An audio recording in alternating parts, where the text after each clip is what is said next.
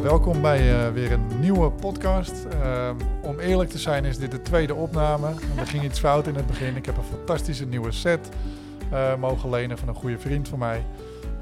maar goed, het was vast ergens goed voor. we gaan opnieuw beginnen. waarschijnlijk wordt de tweede versie nog beter. Tuurlijk. Hebben we de foutjes er even uit kunnen schaven. Ja. ik hoop dat jullie ervan genieten. Ehm, Nancy is bij me van Bewust Goed Leven. Nancy van Brederode. En we gaan van start. Bedankt. Nens, um, versie 2.0. Uh, kleine introductie van mezelf. Um, ik ben ooit uh, na een uh, procesje bij jou terechtgekomen. Ik kwam erachter dat ik een chronische darmziekte had. Um, ja, toen ik in het ziekenhuis was, was ik heel blij dat ik geholpen werd met medicatie, maar daar komen we straks nog op terug. Maar ja, toen wilde ik het ziekenhuis uit en toen vroeg ik, ja, wat kan ik doen? En daar kreeg ik eigenlijk het antwoord, ja, niet zoveel. Als uh, alles stabiel is, dan kan je straks gewoon weer eten en drinken wat je wil. Toen dacht ik, ja, maar dat kan het toch niet zijn? En dat heb ik eventjes voor waar aangenomen. Ik had wel gehoord dat alcohol niet goed voor je was. Um, dus daar was ik direct mee gestopt. De wil was er, maar de informatie was er niet. En toen ben ik uiteindelijk bij jou terechtgekomen. Heb jij me eigenlijk heel veel handvatten gegeven. Ben ik erachter gekomen wat voeding wel kon betekenen voor mijn darmziekte. Wat ik allemaal wel zelf kon doen. En dat was echt eigenlijk gewoon heel veel. Um, en dat heeft mij enorm geholpen en geïnspireerd. Uh, tot op de dag van vandaag hebben we nog regelmatig contact over dingetjes. Um, en jij bent ook een behoorlijk uh, proces ingegaan. Dus daarom deze podcast samen met jou. En um, ja, ik wil eigenlijk vragen van, joh, Nens, vertel wat over jezelf. En hoe jij zo tot dit punt gekomen bent, wat je nu doet. Ja, nou, Nancy ben ik. ik ben van oorsprong uh, verpleegkundige. En uh, eigenlijk altijd in de psychiatrie gewerkt. Tenminste, het grootste gedeelte. Uh, waarvan de hele tijd bij justitie. Wat overigens heel tof is. Hele leuke baan met... nou weet je, die wereld is zo bijzonder. en die psychiatrie heeft me altijd zo getrokken. Dat, dat brein wat, wat niet helemaal werkt zoals wij zouden willen. Hè? Want ik bedoel, ja, wat is, eigenlijk, wat is er eigenlijk normaal. Ja, het is een misfit van het uh, plaatje, zeg maar, en dan val je er buiten. Ja, je past, je past niet in het systeem als je een beetje gek doet natuurlijk. Nee. Maar goed, ik werkte wel echt met mensen die hele heftige dingen hadden gedaan. Maar ook daar kon je zien dat daar zat gewoon een mens onder. Wil je nog iets naar je toe schrijven? Ja, natuurlijk. Top. Ja. We zijn uh, volleerd uh, Ja hoor, inmiddels. ondertussen weet ik het. Ik zal netjes blijven zitten. Nee nee beweeg lekker. Dat maakt niks uit. Um, dus er zaten wel hele heftige gevallen tussen. Tuurlijk, maar, uh, maar ik kon altijd ook de mens daaronder zien. Dus dat, dat vind ik het mooie aan de psychiatrie. Uh, mensen kunnen hele gekke dingen doen. Uh, maar over het algemeen uh, zit, zit, daar een, zit daar iets onder. Die mensen hebben ook heel veel meegemaakt vaak. Ja. Dus dat hele, dat hele, die, die, hele psychiatrie heeft me altijd ontzettend aangetrokken. Um, maar in die in die wereld waar ik werkte, dat was voor mij niet helemaal een goede omgeving meer. Ik heb dat lang gedaan, heeft me heel veel stress uh, opgeleverd. Ook heel veel toffe momenten hoor. En heel veel fantastische samenwerking met leuke collega's. Maar uiteindelijk gebeurden daar wel wat heftige dingen, waardoor ik het uh, niet uh, volhield. En in die tijd kwam ik hier in, in de buurt ook in aanraking met iemand die heel veel van voeding wist. En die leerde mij veel. En ik ging dat zelf toepassen en toen dacht ik, wauw, wat is dit eigenlijk fantastisch. Ja. Uh, wat voeding wel niet doet. Ik had geen idee. Maar ik werd er ook rustiger van. En Ik ging veel rustiger eten. En ik uh, kon veel beter voor mezelf zorgen op die manier. Ik ging anders bewegen. En uiteindelijk kon ik niet voorkomen dat ik uh, nou, toch een soort van overspannen raakte. En mijn baan op heb gezegd in die tijd. Omdat die omgeving gewoon niet goed voor me was. Nee, pittige um, beslissing. Ja, dat was een pittige beslissing. Maar eh, ergens aan de andere kant, als verpleegkundige kun je overal werken. Dus ik dacht, ik ga en kijken wat ik zelf wil. Ondertussen kan ik mijn geld wel verdienen als flexer. Uh, ik bleef bij de GGZ uh, eh, flexen. En in, de, in die tijd ging ik daarnaast mijn opleiding doen. Ja. Als, uh, tot ortomoleculair therapeut. Want ik dacht, weet je, eerst of eerst voedingsadviseur heette dat toen. Ik dacht, weet je, de, die informatie die kan mij alleen maar verder brengen. En misschien uh, is dat voor mijn gezin heel fijn. En wat ik ermee ga doen, zie ik wel. Ja. Toen ik er eenmaal in zat, kon ik er niet meer mee stoppen. En dat was ook wel eens vervelend, want als je eenmaal gaat zien, gaat zien eh, wat er mis kan gaan in dat lijf en wat je Mhm. met voeding doet, oh, dan kan je niet meer terug. Nee, Dus ik had voor mijn gevoel ook niet echt meer een keuze. Ik ben gewoon doorgegaan en ik smulde van al die informatie en al die Ja. opleidingen. En nog steeds denk ik zo vaak, oh tof, dat wil ik ook weten. Ja, Oh, dat ja. ik moet mezelf echt remmen. Ja. En ik ben me heel erg gaan verdiepen in het stuk, in het mentale eh, stuk, hoe je je mentale eh, gezondheid... Ja, dat eh, brein interesseerde jou echt heel erg. die psychiatrie, Die, gaat, die komt nu ook weer terug in mijn praktijk. Ehm, want ik heb in, ben in het begin heel veel mensen gaan helpen. Zo ben jij natuurlijk ook bij mij terechtgekomen. De darm is ook eigenlijk wel een basis in, het, eh, Ja. eh, in de behandeling. Die darm moet gewoon goed werken. Ja. Ehm, maar je hebt ook darmtherapeuten die daar nog weer veel eh, verder in zijn. Je hebt hormoontherapeuten. Maar ik ben me echt gaan specialiseren in het stuk psyche. Ja. Hoe kan je ervoor zorgen dat je goed in je vel komt te zitten met, met voeding en je leefstijl onder de loep te nemen. En nu eh, richt ik me nog weer eh, meer op mensen die aan de antidepressiva zitten en daar vanaf willen. Want dat is weer een andere tak van sport. En ehm, dat is vaak heel lastig. Snap ik. Dus die, daar is niet zoveel voor. Ik, ik spreek heel veel vrouwen die zeggen, nou, ik, ik weet gewoon niet wat ik ermee moet. Ik kan er weinig informatie over vinden. Dus ik probeer daar zoveel mogelijk over te delen. Ik ben van plan om binnenkort een podcast te starten. Daarom Ja. is het leuk dat, wij, eh, dat ik nu Ja, bij jou eh, even mag oefenen. Ja. En ehm, Nou, dat werkt twee kanten op, hè? ja, maar ik wil zoveel mogelijk eh, mensen informeren over wat medicatie met je doet. Ja. Hoe je daar zelf heel veel mee kan.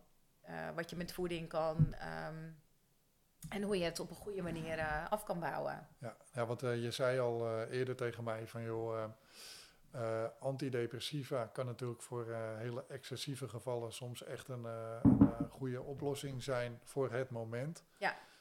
Maar ja, er wordt nu ook misschien best wel snel antidepressiva voorgeschreven. Ja. Ehm, ja, wat zie jij daarvan in jouw praktijk? Zie je daar nou meer gevallen van? Zie je daar nou een groei in? Of eigenlijk een soort ontbrekende schakel misschien? Nou, er is, er is onlangs een bericht naar buiten gekomen ook weer dat er heel veel jongeren eh, de laatste tijd op de antidepressiva zijn gezet. Of voornamelijk in de coronatijd. Ja, Dat is al gek, hè? ja, Want ehm, over het algemeen is dat eenzaamheid. ja, Kunnen we dat denk ik een beetje bestempelen als eenzaamheid?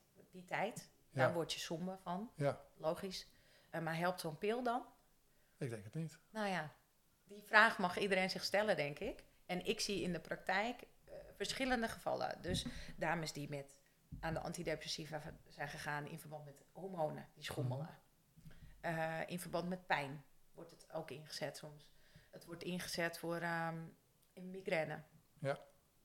En natuurlijk wordt het ingezet bij somberheid. Eh, maar als iemand een burn-out heeft, ja, dan, ben je, dan kan je tijdelijk wat somber zijn. Eh, maar dat vraagt heel erg om en zes stappen, stappen terug te zetten. En heel erg te kijken naar je leefstijl, naar je Ja. voeding. Eigenlijk naar binnen te keren. Ja, naar hoe je voor Ja. jezelf zorgt. Ja, wat doe je met zo'n pilletje?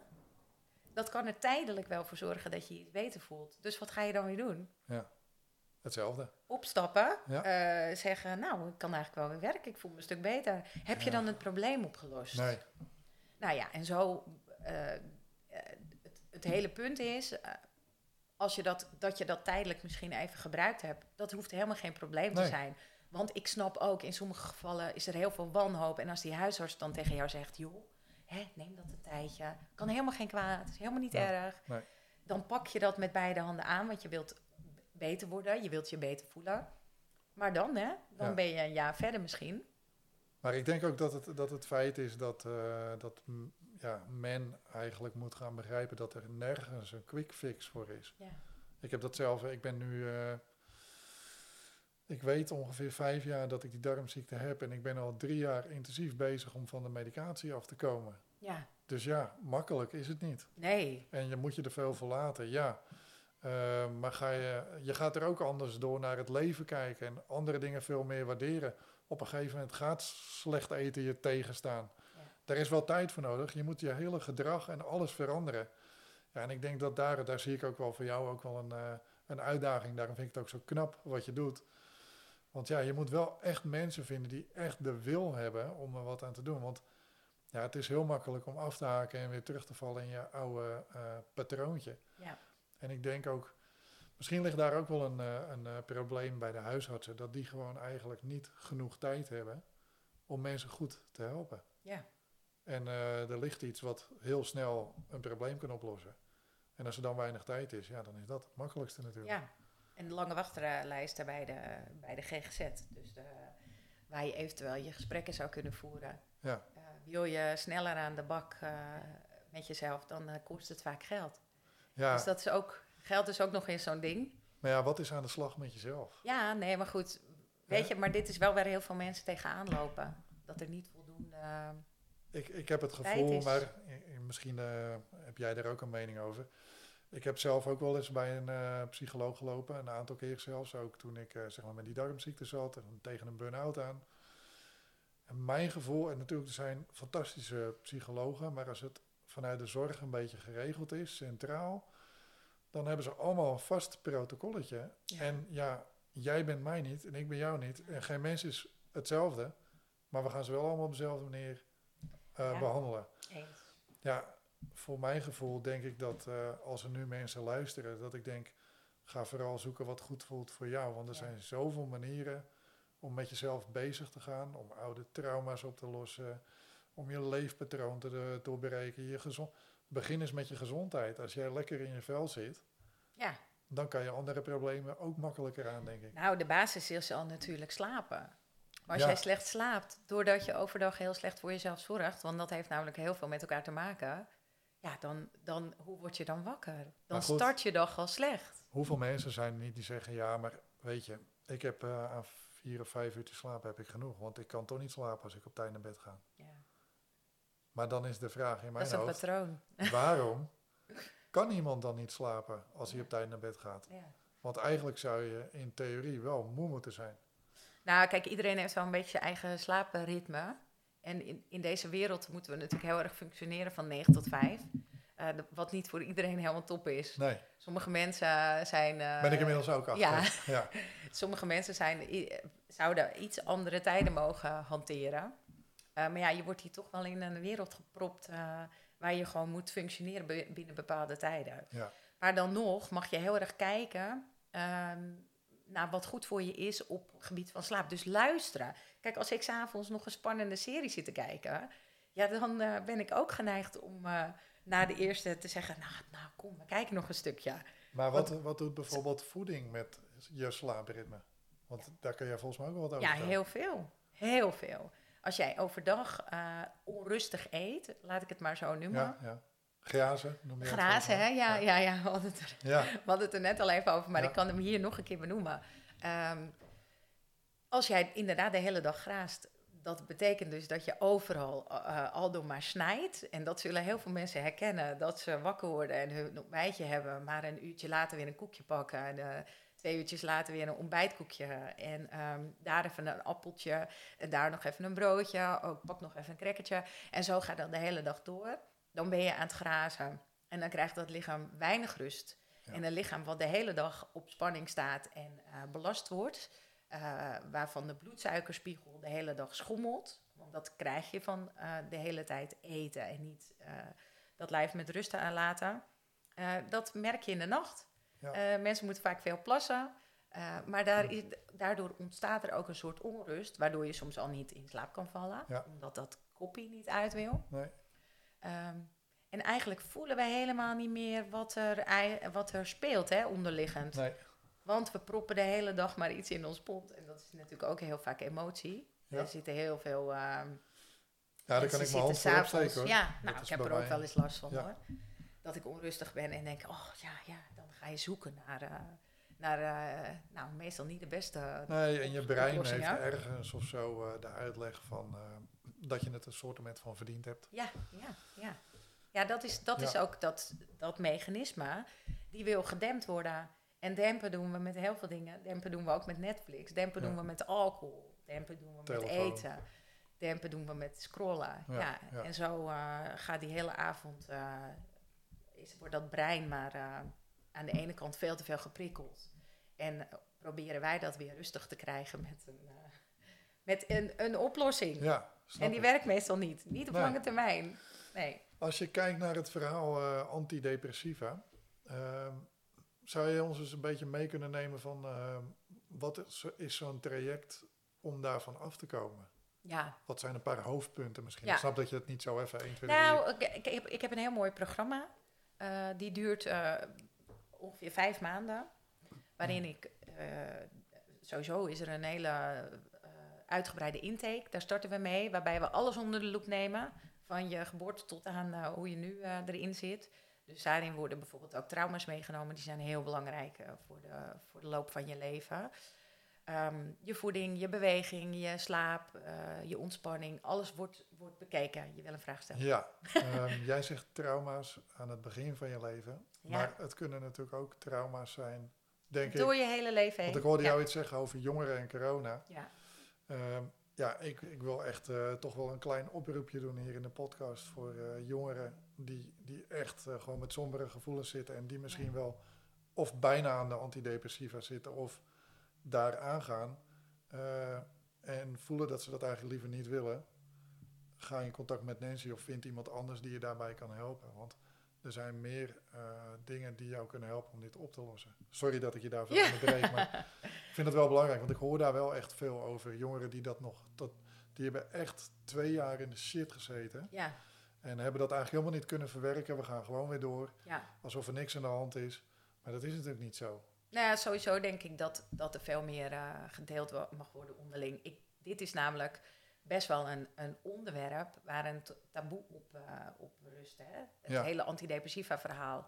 ja, Ehm, ik denk medicatie in zijn algemeenheid, daar zit ook heel erg mijn link en interesse naar.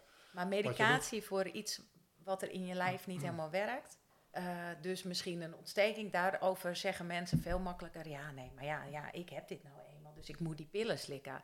Maar, ja, maar ik kan je maar als er dat iets is in ook je niet hoofd. zo. Ja, dat is misschien, dat, dat zal voor iedereen anders zijn, hè. Maar bij, ik merk bij de antidepressiva dat daar veel meer een, een eh, taboe op zit. Omdat Ja. dat iets mentaals is. Ja, en, en daar wordt misschien makkelijker gezegd, ja, er is gewoon niks anders. Dit, dit is het. En eh, ja, als je dat niet doet, dan kan het veel erger worden. Maar daarbij delen mensen niet met elkaar dat ze het slikken. Nee, nee, dat snap ik. Dat is het taboe inderdaad. dat ik bedoel begrijp ik, nu ja. wat je bedoelt. Ja, ja, Ja, het is wel mooi als mensen daar wat opener over kunnen praten. Ik merk zelf, het is wel leuk dat je dat zegt. Bij mij heeft het ook heel lang geduurd voordat ik hier open over ging praten. ja. Ook hoe ik tegen bepaalde dingen aankijk. Maar eigenlijk merk je door erover te praten, komen er in één keer de juiste mensen op jouw pad. juist. Eh, zie je in één keer dat, dat er veel meer mensen zijn die met dezelfde shit zitten, om het maar even zo te zeggen. Ja. En eh, in mijn geval heeft me dat echt heel veel eh, bruikbare informatie en hulp opgeleverd. Ja. Die je eigenlijk anders niet of moeilijk kan vinden. Of je weet niet of het klopt of dat het waar is. En ik merk bijvoorbeeld dat ik heel makkelijk mensen kan helpen die colitis hebben, omdat ik dat zelf ook heb. Ja. Want ja, van elkaar neem je makkelijker wat aan. ja. En ik denk dat dat voor jou niet anders zal zijn. Voor antidepressiva en daarvan afkomen. Als jij mensen hebt die jij hebt geholpen, die mensen kunnen misschien ook makkelijker met iemand praten die in hetzelfde schuitje zit. Ja, nou daarom ben ik ook wel van plan om, om in de podcast ook mensen uit te nodigen die het eh, geslikt hebben. Of Dat slikken of aan het afbouwen zijn of afgebouwd, eh, al helemaal afgebouwd zijn. Want dat kan een heel lang proces zijn. En dat gaat echt met vallen en opstaan. Maar dat is niet erg. Dat hele proces, Ja. dat is ook weer iets eh, wat heel mooi kan zijn. Ja, En, en dat zie ik dus ook terug, dat er heel veel bewustwording ontstaat. Eh, want je, ga- je gaat ineens weer heel veel voelen. ja, Er, komt ineens, er kan ineens weer heel veel boven komen. Dat hoeft helemaal geen probleem te zijn. Je gaat leren om daar weer mee om te gaan. maar wat doet antidepressiva, zeg maar, met jou?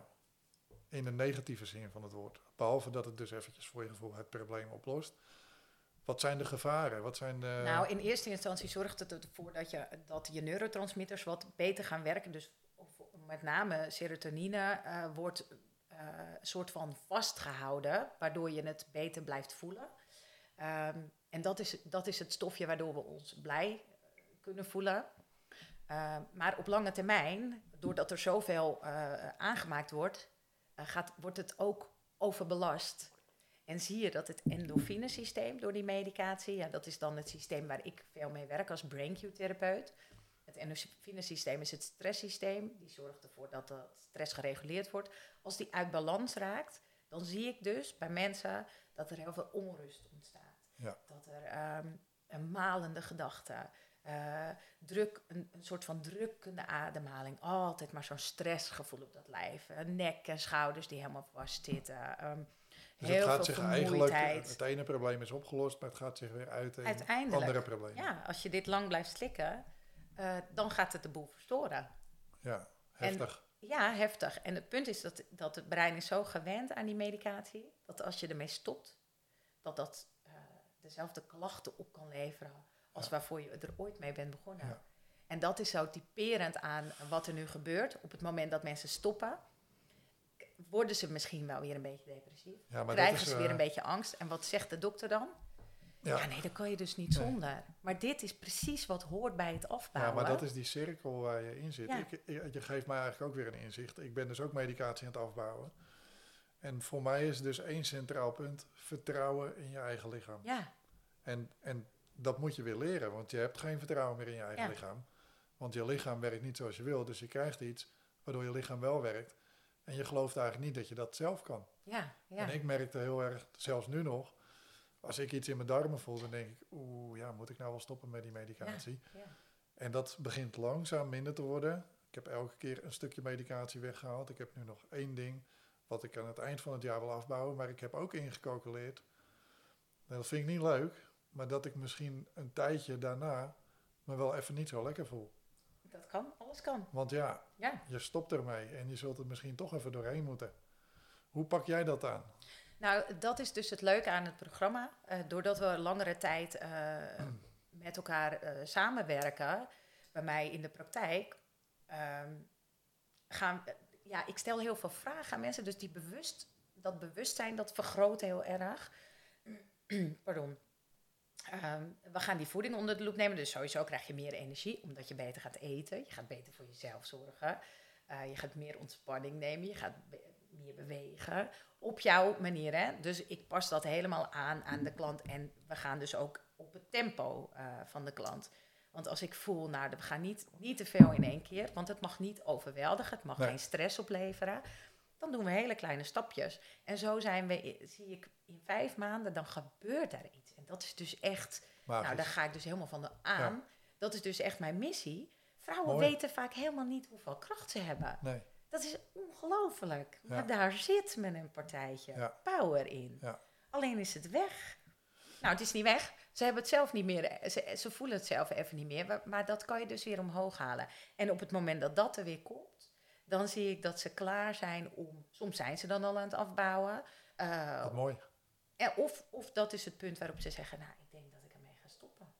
Want ik, ik, ja, het dient niet meer. Het dient vaak al heel lang niet meer. Maar die echte stap zetten tot stoppen, die is eng. en dat mag. Plus, uh, wat zijn er op dit moment voor handvatten om daarmee te stoppen? Nou ja, die heb ik genoeg. Maar in de ja, nee, dat snap ik, wereld... Maar ik bedoel, als je nu denkt zou er wel mee willen stoppen. Er is niet elke dag een reclame op tv van uh, nee. Uh, www.bewustgoedleven.nl. Was het maar zo. Voor uh, stoppen met uh, antidepressiva. Ja. ja. wie weet. Komt het ooit. maar ja, dat is natuurlijk wel de, de moeilijkheidsfactor. Dat merkte ik ook bij mij. En ja, ik koppel, koppel het elke keer maar een beetje zo. Ja, dat mag gewoon. Dat ik, ehm, dat ik eigenlijk echt gewoon alles zelf heb moeten uitzoeken. Ja.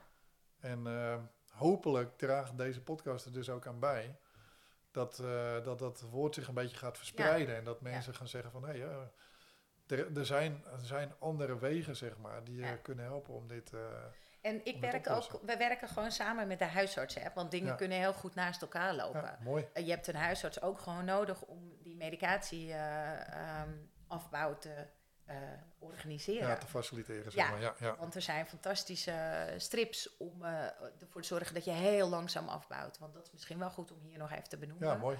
Um, als je gaat stoppen, doe dat absoluut niet zomaar. Nee, bespreek dat, bespreek dat überhaupt uh, met je huisarts. Doe het onder begeleiding. Maar ook trek er liever iets langer voor uit dan dat je nu denkt, nou weet je wat, ik stop ermee en over twee maanden ben ik er vanaf. Echt, doe dat alsjeblieft niet. Pak er heel veel tijd voor. Ga er heel rustig en bewust mee om. Uh, want dat werkt vaak het allerbeste. En dat geeft echt de, de, de grootste kans op succesvol stoppen. Ehm, Ik denk want- dat het met alle verandering zo is trouwens. Nou ja, dat Je- je er de je tijd van- voor mag nemen. Maar die Ja. hebben we niet, hè? Nee, nee, maar ik ben zelf ook wel iemand van eh excessieve altijd wel geweest. Ik probeer dat nu ook te veranderen. Ja. Ik dacht altijd van, joh, eh, vandaag gaan we het anders doen. Dus dan Ja. gaan we het ook vandaag anders doen. Ja. Ja. zo werkt het niet en dat hou je nooit vol. Begin, hè, dat is hetzelfde met voeding. Begin eens een paar dingetjes uit je eetpatroon te halen. En houd dat eens een keer een paar Ja. maanden vol. En dan Ja. weer een paar dingen weghalen en vervangen.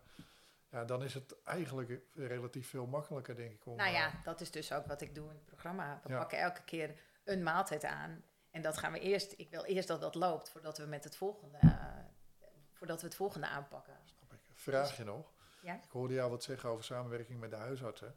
Is het nou ook zo dat eh, een huisarts, misschien ga ik wel een brug te ver hoor, maar dat iemand daar zit en die zegt ja ik wil ermee stoppen. En dat die dan zegt dat is fantastisch, ik kan je een klein beetje helpen, maar voor de rest moet je naar Nancy toe gaan. Nou, dat is nog niet. Nee? Nee, maar misschien luisteren er wel huisartsen. Ja. Ja.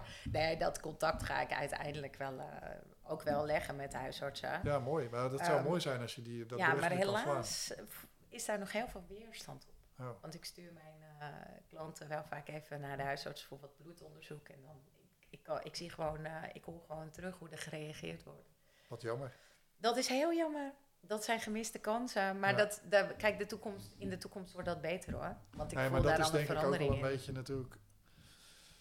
Tenminste, zo ervaar ik het altijd. Als jij natuurlijk heel erg gelooft in één waarheid, dan is het heel moeilijk om eh, een alternatief eh, te Ja. accepteren. Ja, En als Ja. dat ook heel erg eh, jou, zeg maar, ingeprent wordt ja, in je opleiding, in, in alles en iedereen om je heen, ja, dan denk je van ja, daar komt weer zo'n wijsneus. ja, en kijk, Misschien, dat is... hè, wijze maar, van. Eh, Wat jammer is. Dat, is, dat zou super jammer zijn, ja. eh, eh, maar helaas zie ik ook als het gaat om het afbouwen, dat daar bij huisartsen ook te kort eh, over bekend is. En nu Ja. het wordt ook al iets beter. Want toevallig had ik gisteren een klant die zei dat de huisarts zelf al tegen haar had gezegd dat hij dan heel langzaam wilde afbouwen en in, in- psychiater daarvoor wilde raadplegen. Nou, daar kan ik echt om juichen. Ja, maar ik denk ook dat, je dat, dat dat mooi is dat je dat zegt en dat je ook moet kijken, niet naar de mensen die niet willen meewerken. Maar ik heb bijvoorbeeld gemerkt in het ziekenhuis dat ik eh, eerst een arts had die zei van, joh, maar voeding, ja, succes. Maar, eh,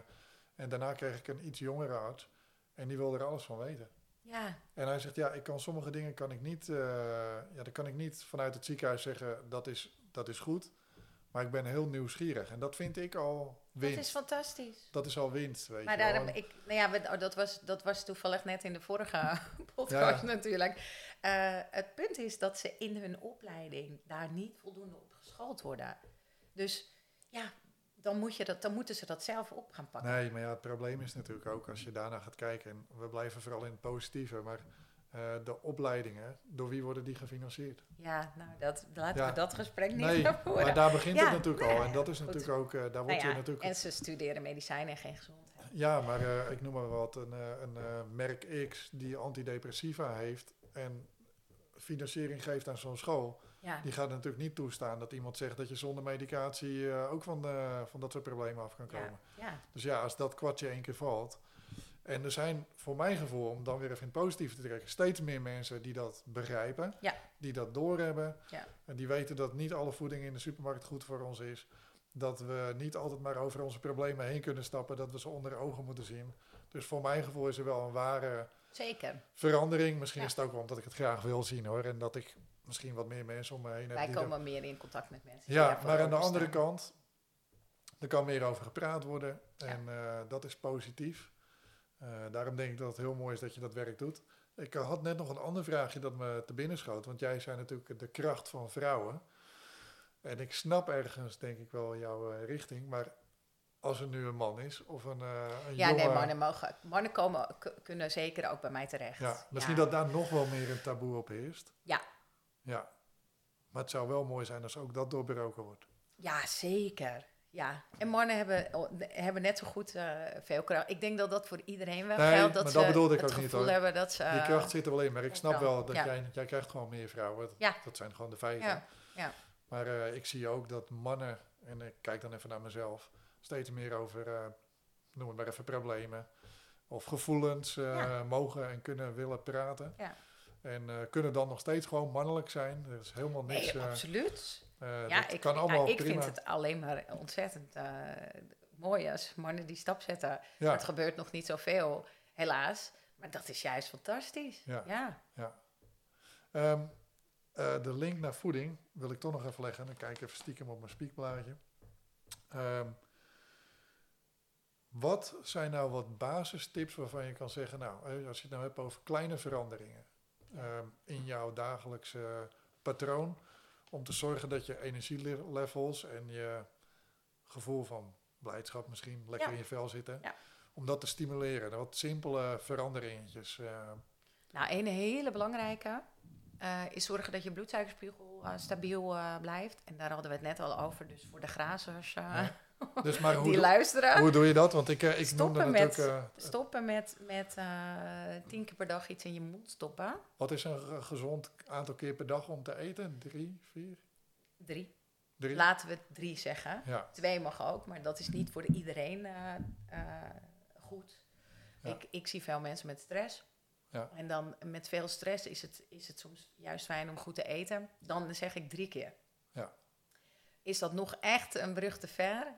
Eh, nou, ga dan op vier keer, want vaak is dat al zoveel winst. Als je van zeven of acht keer uh, iets in je mond stoppen naar uh, vier keer goed eten gaat, dan is dat gewoon hartstikke prima. Ja. En dan is het belangrijk uh, dat je gewoon heel goed kijkt naar de basis van je maaltijd. Dus als jij ochtends je ontbijtje hebt gemaakt en er ligt alleen maar brood met ja, beleg, wat vaak ook niet het allerbeste is.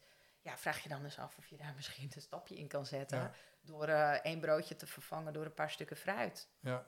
En uh, ja, zodat simpele, je vezels, kleine dingetjes. Ja, zodat je heel veel vezels en uh, vitamine, mineralen, antioxidanten binnenkrijgt. En dat zijn dan dus echt stoffen waar je lijf iets aan heeft. Ja, jij gaat mij bijvoorbeeld ook weer een beetje helpen, want ik, ik krijg even goed tijdens deze podcast ook weer wat inzicht. Dat ik denk, oh ja, ja. nee, misschien toch nog wel eens een appeltje tussendoor. Misschien moet ik wel de volumes, hè, daar hadden we het net toevallig even ja. over, van wat ik eet in die drie momenten. Vergroten. vergroten. Ja. Um, want ja, eigenlijk kan je best wel veel in één keer eten. Ja, nou dat is ook zoiets. En dat is, dat is zo'n vrouwendingetje ook vaak. Van hoe, als ik maar niet te veel eet, uh, want dan word ik dik. Maar we eten juist allemaal veel te kort ondertussen. Ja, van um, het juiste. Van het juiste, juist. En dan uh, dus een goede... Ja, ik krijg wel eens reacties op mijn, op mijn foto's op Instagram... dat ik zo'n mega bak met fruit heb of zo'n gigantische smoothie. Ja, ik uh, eet soms uh, wel vier stukken fruit bij mijn ontbijt. Ja. want vooral als ik ochtends al, al gesport heb en ehm, nog de hele dag door moet... ja, dan wil ik gewoon een goede basis erin kieperen. En dat hoeft niet ochtends om uh, acht uur hoor. Ik eet soms ook pas om tien uur. Dat ik, ik, luister altijd een beetje naar mijn lijf. Van wanneer uh, heb ik het nodig? Ja, nou, ik vind dat inderdaad wel een goed punt. Want uh, ik doe dus ook aan dat intermittent fasting, ja. zeg maar. Dus ik eet gewoon na het avondeten niks meer. nou ja, goed, dat is eigenlijk natuurlijk wat jij, precies wat jij ook omschrijft. Dat geeft mijn darm echt een hele lange periode rust. Ja. Toen had ik op een gegeven moment dus weer dat mijn brein het overnam van... oké, dan wil je het zo goed mogelijk doen. Dus zo lang mogelijk de eerste maaltijd uitstellen. Ja. Ja, dat werkt eigenlijk niet voor mij. Want als ik gewoon trek heb, s ochtends, ja, uh, dan wil ik het gewoon nemen. Ja. En dat is de ene keer uh, op tijd en de andere keer kan het later zijn. Ja. Uh, dus ja, maar ik denk die drie keer op een dag dat dat goed is. Maar bijvoorbeeld, ik denk dat voor heel veel mensen, als je gaat zeggen dat is voor mij echt een ding. Stel je nou voor, je eet na het avondeten niks meer. Ik denk dat dat al een hele stap is. Ja. En dat betekent dan dat je darm ja. Eh, Soms wel 12 of 14 uur uh, rust heeft. Ja. ja. dat is natuurlijk heerlijk. Ja, want als jij om 6 uur uh, gegeten hebt, laten we een beetje de Hollandse, of half zeven, half zeven heb je eten op. Ja, de volgende ochtend uh, ontbijt je misschien pas om 8 uur. Nou, reken maar uit. Dan heb je zo al dik 13 uur niks gegeten. En dat lichaam heeft zoveel profijt bij rust. Ja. Rust gewoon. Even niks. Alleen water, thee. Ja. Misschien zwarte koffie, maar liever niet op de nuchtere maag. Nee. Dus dan, ja, dat, zijn, uh, dat is al magisch. Ja. ja. daarmee geef je dat lichaam uh, al heel veel uh, rust dus om te herstellen. Hoe kun je nou in het rare gebeuren van de supermarkten, zeg maar, nog uitvogelen wat, wat is gezond eten? Ja. Ik streel daar zelf ook mee, dat zei ik net ook al. Um, ja, als je de etiketten gaat lezen, door de, je ziet door de boom het bos niet meer ik weet inmiddels zelfs dat bepaalde E-nummers eh, niet meer gebruikt mogen worden, maar het jaar erop weer onder een ander één Ja. nummer terugkomen. Ja, ja. Dus eigenlijk alles waar één nummers in zitten, is al moeilijk. Ja. Dan denk ik, oké, laten we een vertaalslagje maken en proberen naar zo min mogelijk Ja. één nummers. Ja. Dat lukt natuurlijk niet altijd.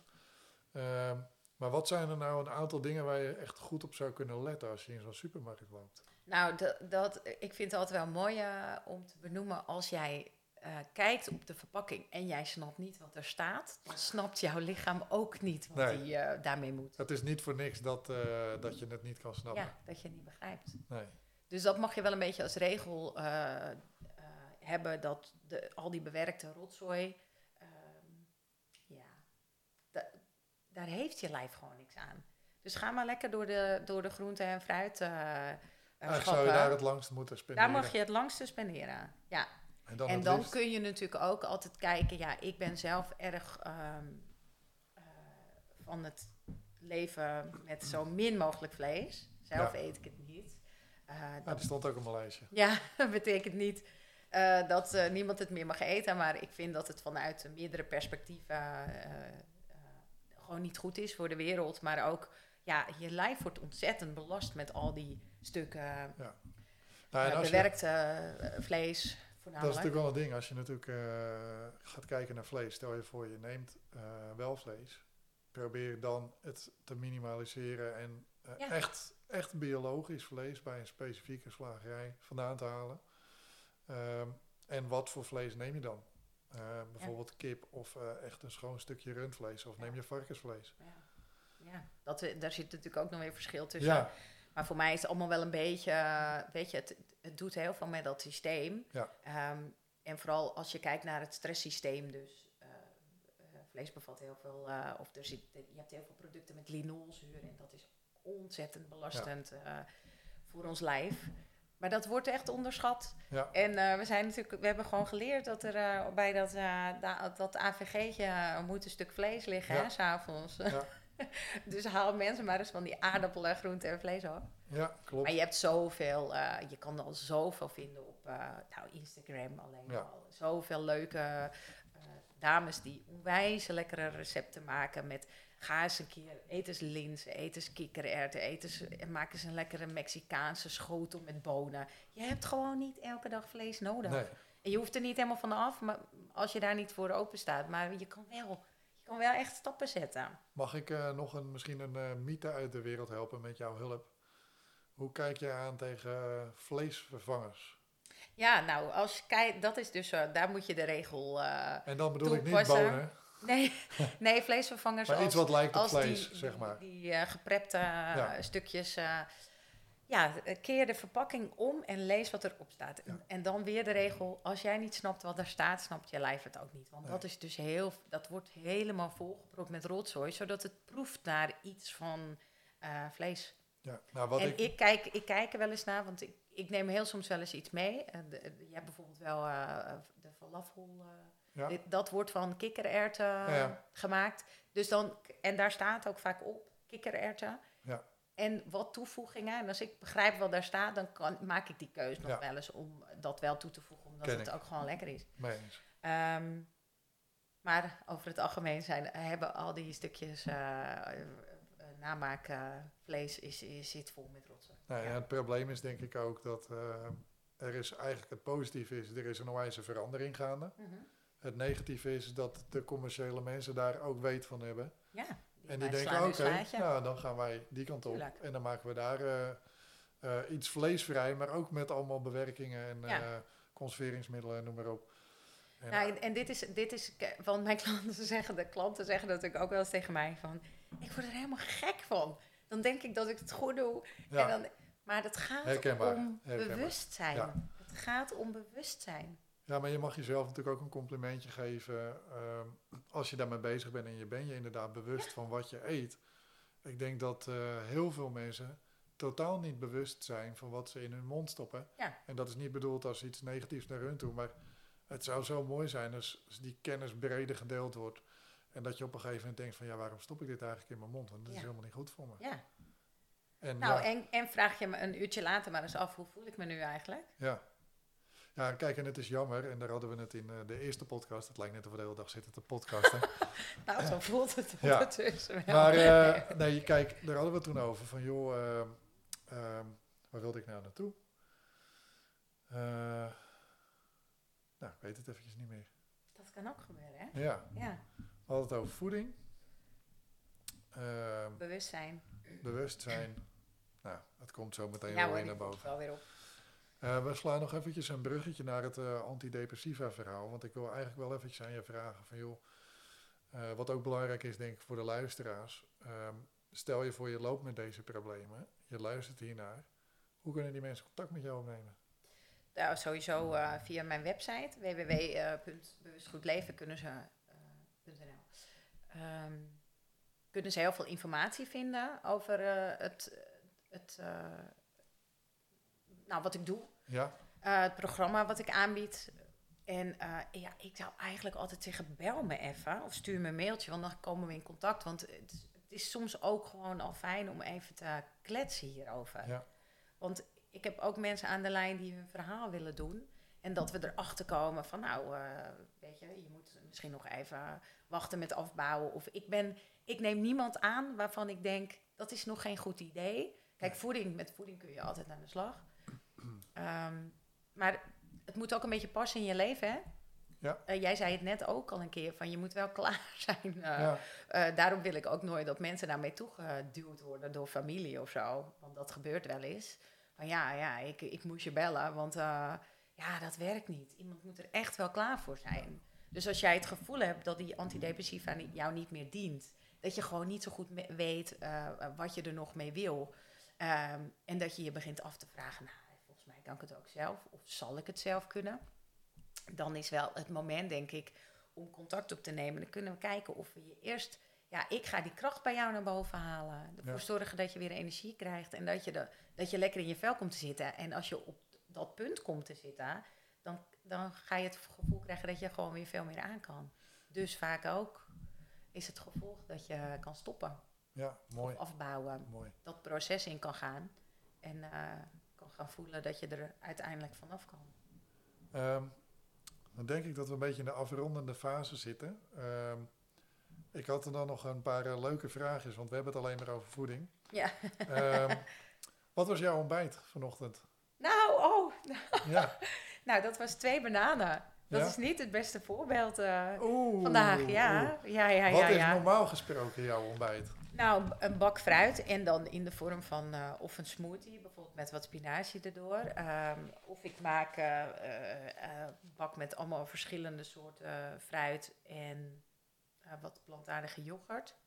En daar doe ik dan wat pitjes, zaadjes doorheen. Nu heb ik nog stoofpeertjes, die heb ik dan zelf gemaakt op de gezonde manier. En dan, dat vind ik bijvoorbeeld heel lekker met een appeltje en wat, wat yoghurt. Ja, zo. Dus een flink goed ontbijt ja, waar ik je eet, de komende ik, uren ja, zeg ja, maar ja. En mee nu, toe kan.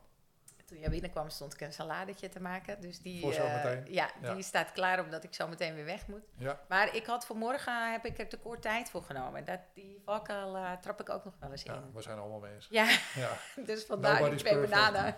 maar goed, het ging zoals je al zo mooi zei om bewustwording denk ik. Ja. En natuurlijk zal je eens een keer een dag hebben dat het niet helemaal gaat. Of je bent een keer op reis of op vakantie dat het niet helemaal... Maar ja, als jij 80 of 90 procent van de tijd het wel doet zoals het jou dient, dan ja. denk ik dat je al een uh, behoorlijke slag geslagen hebt. Nou, dat als je kan voelen, uh, want dat krijg ik heel vaak terug van klanten, dat op het moment dat ze hem even laten vieren, wat ook mag, dat ze dat voelen aan, ja. aan hun stemming, aan hun lijf, aan hun ja. darmen. Aan, Heel herkenbaar. En dan denken, oh wacht even, dit was niet zo'n goed idee. Nou, dat is, dat is fantastische bewustwording, want dan kan je luisteren naar je lichaam. Mooi. Um, een andere vraag. Naast voeding, wat doe jij zelf nog meer om gezond te blijven? Ik sport. Uh, in de sportschool uh, probeer ik uh, echt wel een beetje op kracht wat te doen.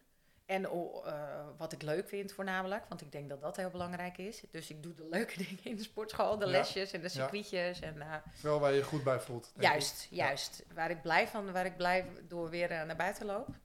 ik loop hard zelf en ik probeer dus of iedere dag hard te lopen of eh, te wandelen. Dat af te wisselen. Niet iedere dag hard te lopen, maar als ik niet naar de sportschool ga eh, of niet aan het hardlopen ben, dan ga ik zeker wandelen. Iedere dag naar buiten. Echt naar buiten is zo belangrijk. Dus je zal mij nooit een hele dag uh, binnen zien of op de bank zien zitten. Nee, of, behalve vandaag. Bezig zijn. nee, ik heb al hard gelopen. Oh, oké, dus super. dat scheelt.